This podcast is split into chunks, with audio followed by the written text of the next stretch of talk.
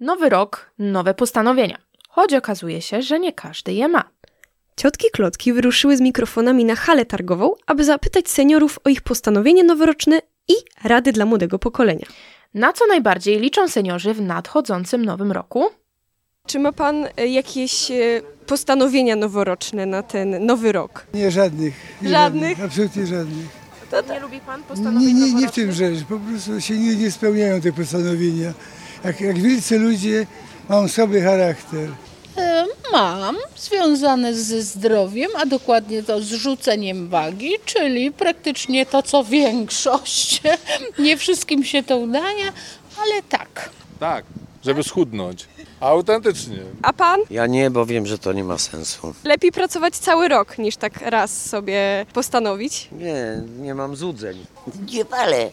Nie pali pani. No to nie ma co rzucać, wiadomo. Nie mam, bo jestem szczęśliwym emerytem i mam to wszystko generalnie gdzieś. Nie, nigdy nie, nie robię sobie żadnych postanowień. żeby, żeby jeszcze trochę pożyć. Żeby jeszcze trochę pożyć. Chodzę do, do szpitala onkologicznego, już miałem 40 na świetle, no, no i żyje się. Nieraz mi mówią, dlaczego ty, mówi, masz taką chorobę i tak dowcipkujesz. Ja wiem, jest takie powiedzenie ludzkie. Każdy się urodził, żyje i umrzeć musi. No. Z racji, że seniorzy to osoby doświadczone w życiu, poprosiłyśmy ich również o rady dla młodego pokolenia. Czy miałby Pan w takim razie jakieś rady na nowy rok właśnie dla młodych osób, które tego usłyszą? żeby bardzo tolerancyjnie podchodzili, żeby spontanicznie nie reagowali, bo ja często jak mam, jestem na emeryturze, to mam duże spotkania w sklepach, to ludzie z łyżce wody jeden drugiego by utopił. No. Ale zawsze dowcipnie mówię, jestem katolikiem, a nie fanatykiem. W związku z tym wybaczać, przebaczać, bądź na grzeczności jeszcze nikt w życiu nie stracił. Żeby się uczyli, bo to jest najważniejsze.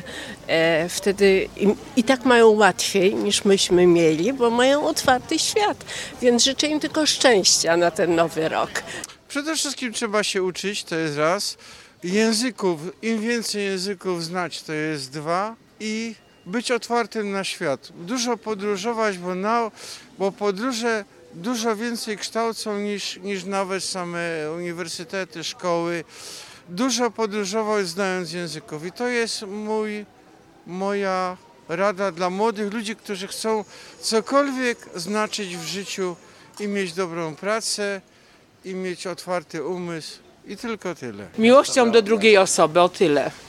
Tyle, bo wtedy będzie dobrze na świecie, a jeżeli będziemy kłócić się, to nigdy dobrze nie będzie. Oj, tu to by napisał książkę. Zacząć myśleć samodzielnie. Poszerzać swoje horyzonty. Niestety, to co mi się nie podoba w dzisiejszej edukacji, zawężanie horyzontów u młodych.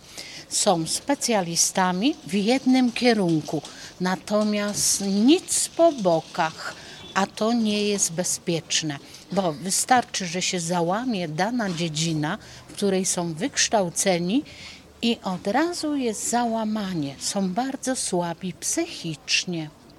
Poszerzać swoje horyzonty. A odnośnie zdrowia psychicznego, młodzi muszą zrozumieć jedno. Nie ma drogi na skróty. Jesteś tym, co jesz. Zwracać uwagę na odżywianie. I ponczuszki, i energetyk to nie jest śniadanie. Przed wami życie. Możecie wszystko.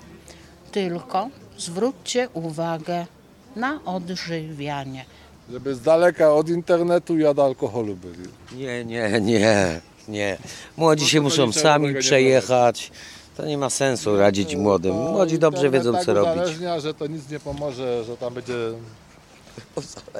No tak, tak, no. Być zawsze uśmiechniętym, zadowolonym. I tyle. Najważniejsze. Jak widać, nie wszyscy krakowscy seniorzy mają postanowienia. Natomiast wielu z nich podzieliło się cennymi radami, z których z pewnością skorzystać mogą młodzi.